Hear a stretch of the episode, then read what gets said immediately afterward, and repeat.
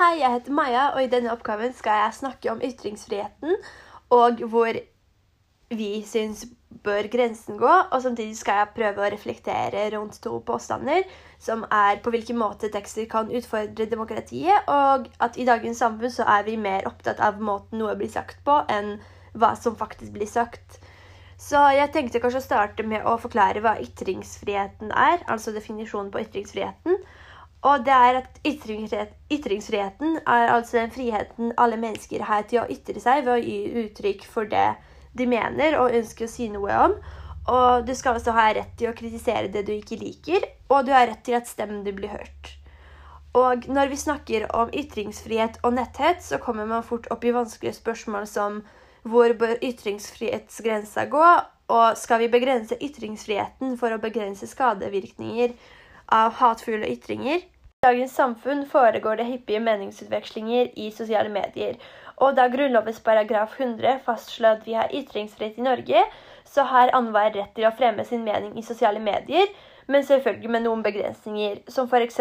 trusler, ærekrenkelse og trakassering er jo like straffbart om det fremkommer i sosiale medier som ellers i samfunnet. Og jeg har tenkt å ta for meg to ulike tekster med situasjoner der mennesker har krysset en grense innenfor ytringsfrihet. Så det første er krenkende sitater om flyktninger. Og altså det ytringsfriheten ikke beskytter mot, er meninger som fremstår som kanskje litt mindre gjennomtenkte. Og særlig har det vist seg de senere åra hvor en rekke mennesker har funnet det nødvendig å kommentere båtflyktninger i Middelhavet og i VG i mars 2015 så kunne man lese bl.a. følgende kommentarer som La dem bare druknes igjen nå. Disse likejegere er ikke Italia Europa sitt problem. Vi har overhodet ikke plass til, å, til, dem i vårt system, og det er fulgt opp her. Når de selv er så dumme at de bruker få små båter som de overfyller til de grader, er det bare nødt til å gå sånn.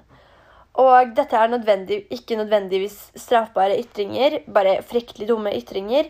Men grunnet Grunnlovens paragraf 100 kan derfor de menneskene som står bak disse ytringene, og som tydeligvis mener at de er smarte nok for allmennheten å lese, legge dem ut på nettet.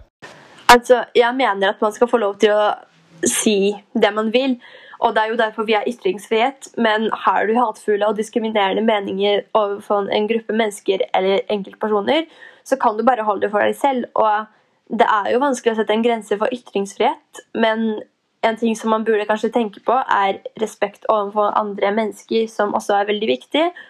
Og det å dele meninger som er hatefulle og diskriminerende, er jo ikke en del av det.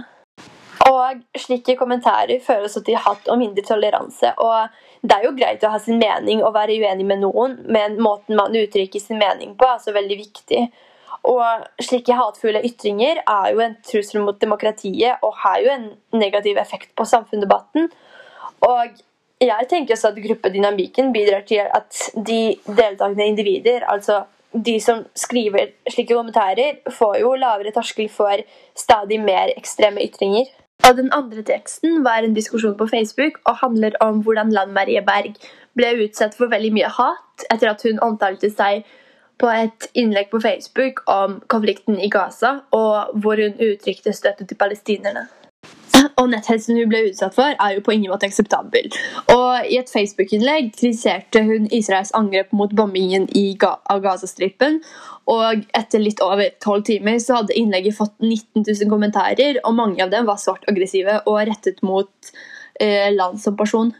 Noen av kommentarer hun fikk, var f.eks.: For Forbanna makkakjerring, lås henne inn og kast nøklene lang faen i vold. Og eh, er ikke mange hjerneceller her som er oppe og går. Ubrukelig. Kjæringfallskapet er kriminell. Så det at politikere utsetter for så massiv mengde av trusler og hatefulle ytringer, gjør noe med viljen til å stå opp som folkevalgt. Så dette er også en trussel mot demokratiet vårt. Så slike hatefulle ytringer på nettet er et betydelig samfunnsproblem. Og ikke bare er ytringene skremmende for enkeltpersoner eller grupper mennesker, men de truer også ytringsfriheten og dermed demokratiet. Fordi når folk ikke tør å ta til orde i offentligheten av frykt for å bli hetset, så må problemet tas på enda større alvor. Da.